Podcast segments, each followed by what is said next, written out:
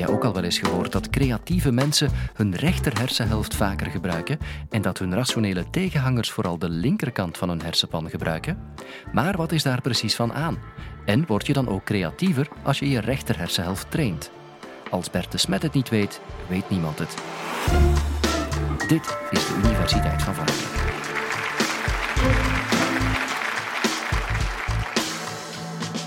Er wordt gezegd dat creatieve mensen vooral met hun rechter hersenhelft gaan denken en dat mensen die wat rationeler en wat pragmatischer zijn vooral met hun linker hersenhelft denken. Word je dan creatiever als je de rechter hersenhelft gaat stimuleren, zoals sommige educatieve apps of breinprogramma's beweren? Het antwoord is nee en ik ga je uitleggen dat dat niet kan en waarom dat niet klopt. Laten we beginnen met een kleine test. En uh, ik ga jullie een afbeelding laten zien van een dame die ronddraait. Uh, en die dame die draait in een bepaalde richting. Ziet u ze met de klok meedraaien of ziet u ze tegen de klok indraaien? Wie ziet haar met de klok meedraaien? Oké, wie ziet haar tegen de klok indraaien? Ja, enkele mensen. De mensen die tegen de, klok, de dame tegen de klok zien indraaien, zijn mensen die zogezegd volgens deze test vooral met hun linkerhelft zouden denken.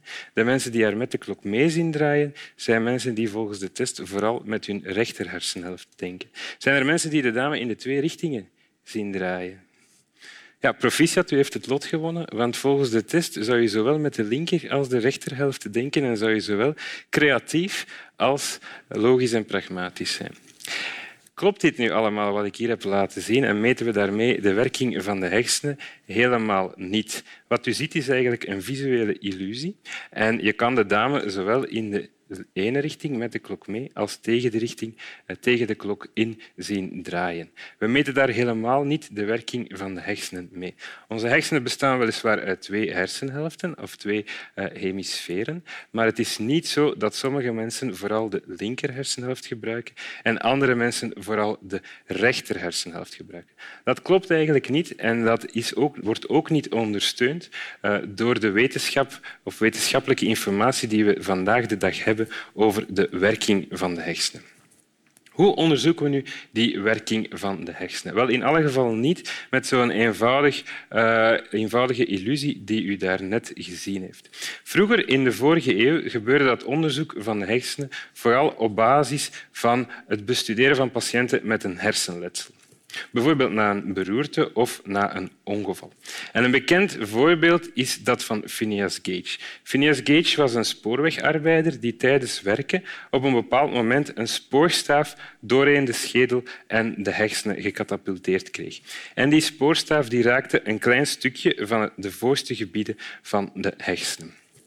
Gage herstelde na het ongeval, maar na het ongeval was zijn persoonlijkheid helemaal veranderd. Daar waar hij voor het ongeval een goed georganiseerde, vriendelijke man was, veranderde hij na het ongeval in iemand die heel impulsief reageerde, vaak verward was en heel veel moeite had om sociale contacten te onderhouden. En wetenschappers leiden daar eigenlijk uit af dat door dat ongeval het gebied dat geraakt werd, dat daardoor een bepaalde functie in de hersenen uitviel en dat die functie of dat gebied dat geraakt was, eigenlijk verantwoordelijk dan was voor die specifieke functie. En in dit geval leidde men af dat dat voorste gebiedje in de hersenen dat dat te maken had met de controle van emoties. En zo bestudeerde men eigenlijk de hersenen. Men had verschillende letsels. Die verschillende letsels die hingen samen met bepaalde cognitieve of emotionele problemen. En men leidde dan af dat het geraakte gebied een belangrijke rol speelde in die bepaalde cognitie of die bepaalde emotie. Vandaag kunnen we die hersenen eigenlijk veel preciezer en veel specifieker gaan onderzoeken. En dat kunnen we eigenlijk doen dankzij de MRI-scanner. En de MRI-scanner is eigenlijk een technologie die ongeveer een dertigtal jaar oud is. En sinds de jaren negentig van de vorige eeuw kunnen we eigenlijk met die scanner heel precies de structuur van de hersenen en de activiteit van de hersenen gaan onderzoeken. We kunnen dat doen op een niet-invasieve manier. Dat betekent eigenlijk dat we niet meer afhankelijk zijn van de studie van patiënten met een hersenletsel. Dat betekent ook dat we geen radioactieve stoffen nodig hebben om die hersenen te gaan onderzoeken. Het grote voordeel is dat we nu onderzoek kunnen gaan doen bij gezonde volwassenen. We kunnen zelfs onderzoek gaan doen bij kinderen en gaan kijken wat er in de hersenen gebeurt als ze een bepaalde opdracht gaan uitvoeren. We kunnen ook, en dat is iets wat we in mijn onderzoekslabo vooral doen, gaan kijken wat er in de hersenen gaat veranderen, zowel naar de structuur als naar de activiteit, als mensen bepaalde vaardigheden, zoals bijvoorbeeld rekenen of wiskunde, gaan leren. Hoe werkt zo'n MRI-scanner? Wel, die werking die is eigenlijk gebaseerd op magnetische velden. En we gaan eigenlijk gebruik maken van de magnetische eigenschappen van waterstofatomen. En die waterstofatomen die zitten overal in ons lichaam, in meerdere of in mindere mate. En dat is ook zo in de hersenen. In de hersenen hebben we grijze stof, en dat zijn eigenlijk de zenuwcellen. En we hebben ook witte stof, dat zijn eigenlijk de verbindingen tussen die verschillende zenuwcellen. En die grijze en die witte stof die verschillen eigenlijk in de aanwezigheid van waterstofatomen. Dat verschil kunnen we met de scanner gaan oppikken en op die manier kunnen we heel precies gaan kijken hoe de structuur van de hersenen eruit ziet. We kunnen kijken hoe groot een bepaalde structuur is of hoeveel grijze stof er in een bepaald gebied zit. We kunnen ook gaan kijken hoe die structuur gaat veranderen als we bepaalde dingen gaan leren. Naast die uh, structuur kunnen we ook de activiteit van de hersenen gaan onderzoeken. We kunnen gaan kijken wat gebeurt er in de hersenen als mensen een bepaalde opdracht uitvoeren. En we doen dat eigenlijk door veranderingen in de aanwezigheid van zuurstofrijk bloed te gaan bestuderen. Dat zuurstofrijk bloed kunnen we heel goed lokaliseren, omdat die waterstofatomen in de buurt van dat zuurstofrijke bloed gaan andere magnetische eigenschappen hebben en dat gaan we met de scanner gaan oppikken. Gebieden die heel actief zijn, gaan heel veel zuurstof nodig hebben in vergelijking met gebieden die minder actief zijn. Maar er is één belangrijk probleem dat we moeten oplossen. Onze hersenen zijn namelijk altijd actief, ook als we slapen. Er zijn dus altijd zuurstofveranderingen. En wat we eigenlijk gaan doen, is de relatieve toename in zuurstofrijk bloed gaan meten. En om die relatieve toename te meten, gaan we eigenlijk twee situaties met elkaar vergelijken. Aan de ene kant een basislijn waarvan we vertrekken en aan de andere kant de activiteit tijdens het uitvoeren van een bepaalde taak. Het is eigenlijk naar dat verschil dat we gaan kijken en het is eigenlijk dat verschil dat u op die plaatjes van de hersenen in kranten of in onderzoek gaat zien. En hier ziet u een voorbeeld ehm, van zo'n studie waarbij we zijn gaan kijken naar de activiteit in de hersenen, veranderingen erin eh, op het moment dat mensen gaan rekenen. En wat zien we op het plaatje? Wel, er zijn rode gebieden. En dat zijn eigenlijk de gebieden in de hersenen waar je een verschil gaat krijgen in activiteit tussen de basislijn en het uitvoeren van de taak. Aan de andere kant heb je de rest van die hersenen die niet gekleurd is. En wat je daar eigenlijk ziet, is opnieuw de vergelijking tussen onze taak en de basislijn. Maar het feit dat ze niet gekleurd zijn, wil zeggen dat er eigenlijk evenveel activiteit is tijdens onze basislijn als tijdens onze taak. Dus het beeldje wil eigenlijk niet zeggen dat die gebieden niet actief zijn of dat we die gebieden niet gebruiken. Wat het beeldje wel wil zeggen, is dat er in die gebieden geen verschil is tussen het uitvoeren van onze taak en de basislijn. Op basis van dit soort beeldjes mogen we dus niet gaan denken dat we maar een beperkt deeltje van onze hersenen gaan gebruiken. Er is een bepaalde mythe die zegt dat we zogezegd maar 10 procent van die hersenen gaan gebruiken. En die 10 procent verwijst dan naar de gekleurde vlakjes die jullie op die hersenen zien. Maar dat andere stuk wat hier niet gekleurd is, dat is niet non-actief op dat moment. Nee, er is gewoon evenveel activiteit in die gebieden tijdens onze basislijn en onze taak. Op basis van deze beeldjes mogen we dus ook niet denken dat de ene hersenhelft niet actief is tijdens het uitvoeren van een bepaalde taak en de andere hersenhelft wel actief is. Wat heeft dat MRI-onderzoek ons nu geleerd over verschillen tussen de werking van de linker en de rechter hersenhelft? Zijn er daar nu eigenlijk verschillen tussen? Het antwoord is ja, maar de verschillen zijn zeer klein en ze zijn beperkt tot functies die te maken hebben met de zintuigelijke waarneming en vallen eigenlijk zeker niet samen met het onderscheid tussen creativiteit en logisch redeneren. Ik ga jullie twee voorbeeldjes geven van waar er verschillen zijn. Ik ga met een heel simpel beginnen. Ik ga jullie vragen om allemaal de linkerhand op te steken. Oké, wat er nu gebeurt in jullie hersenen is dat er een deeltje van jullie motorische cortex, jullie mogen de handen naar beneden, uh, dat er een deeltje van jullie motorische cortex in activiteit gaat toenemen en dat deeltje zal aan de rechterkant zitten. Waarom is dat zo? En u ziet dat hier eigenlijk op de figuur. Wel, dat komt omdat onze rechtermotorische cortex de spieren aan de linkerkant van ons lichaam gaat aansturen. En het omgekeerde geldt voor de linkermotorische cortex. Tweede voorbeeldje. Ehm, als visuele informatie eh, in onze ogen binnenkomt, dan gaat wat zich in het linkervisuele veld bevindt, die informatie, gaat via het netvlies naar de rechterkant van de hersenen. Wat zich in het rechtervisuele veld bevindt, gaat doorstromen naar de linkerkant van de hersenen. En wat er daar gaat gebeuren, is de eenvoudige registratie, de waarneming van die visuele informatie. Maar uh, op het moment dat u dingen gaat herkennen, op, kan er eigenlijk allerlei gedachten gaan bijkomen. U ziet hier nu van voor een prof staan die wat op een podium staat te bewegen. Dat roept bij u allerlei herinneringen op van vroeger, misschien als u student was de aandacht is misschien een klein beetje afgeleid en u beseft ik moet mijn hoofd toch wel een beetje draaien om die prof te kunnen zien en kunnen volgen. Wel, op het moment dat al dat soort van processen gaan starten, gaat niet één gebiedje in de hersenen actief zijn, gaan verschillende gebieden in de hersenen actief zijn en die gebieden gaan zich zowel aan de linkerkant als aan de rechterkant van de hersenen bevinden. En dat is eigenlijk voor de meeste vaardigheden en activiteiten die wij uitvoeren.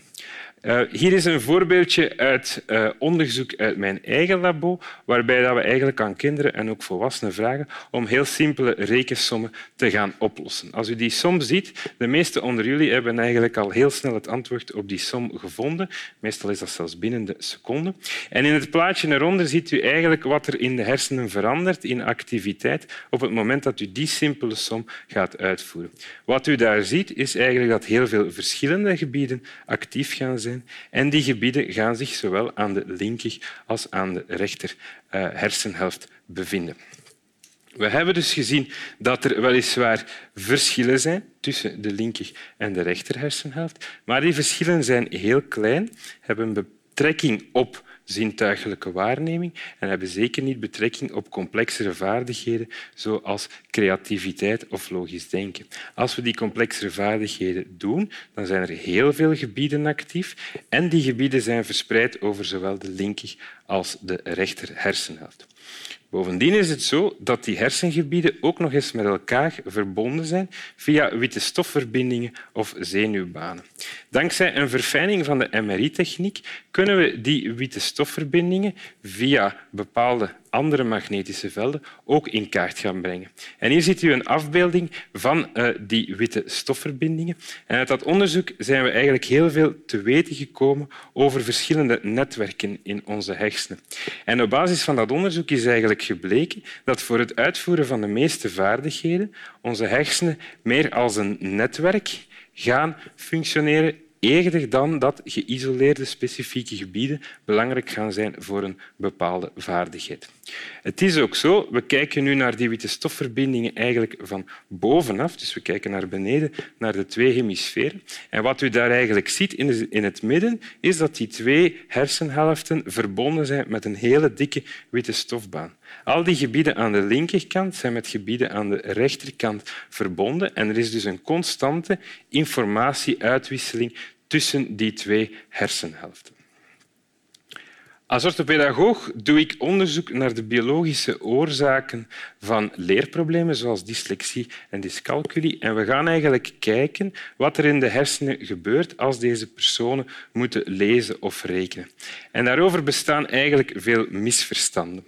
Sommige mensen denken dat die leerproblemen te maken hebben met de minder goede werking van de ene of van de andere hersenhelft. Er wordt wel eens gesuggereerd dat mensen met dyslexie vooral problemen hebben aan de linkerzijde, dat ze daardoor de rechterzijde meer gaan gebruiken en dat ze daardoor creatiever zouden zijn. Wel, ook dat klopt eigenlijk niet. Het is inderdaad zo, en we weten dat op basis van wetenschappelijk onderzoek, dat er belangrijke verschillen zijn tussen personen met dyslexie, personen zonder dyslexie, in de structuur en de activiteit van de hersenen. Maar die verschillen zijn niet zomaar te herleiden tot verschillen aan de linkerkant of aan de rechterkant. Heeft het dan zin om de ene of de andere helft te gaan stimuleren door bepaalde specifieke trainingen. Kunnen we de rechter hersenhelft stimuleren of kunnen we de linker hersenhelft stimuleren, zoals sommige van die breinapps of hersentrainingen ons willen doen geloven? Het antwoord is nee. We kunnen wel de hersenen veranderen en regelmatig inoefenen van bepaalde vaardigheden gaat ervoor zorgen dat de structuur en de activiteit in onze hersenen gaat veranderen. Maar die veranderingen zijn opnieuw niet te herleiden tot de linker of de rechter hersenhelft. Nu hoor ik u denken, daar straks heeft hij verteld dat als je je linkerhand gaat bewegen, dat je rechter hersenhelft uh, dan in activiteit gaat toenemen. Wat als je nu zeer intensief met je linkerhand zou oefenen? Gaat je rechter hersenhelft dan veranderen? Wel, dat klopt eigenlijk wel een beetje. Er is onderzoek gebeurd bij professionele muzikanten, meer bepaald bij violisten, die heel veel met hun linkerhand gaan oefenen. En men heeft daar eigenlijk gezien dat in de structuur van de motorische gebieden, die dat linkerhand aansturen, dat je daar eigenlijk veranderingen gaat krijgen in de structuur van de hersenen. Maar het alleen oefenen van je linkerhand gaat er niet voor zorgen dat je creatiever gaat worden.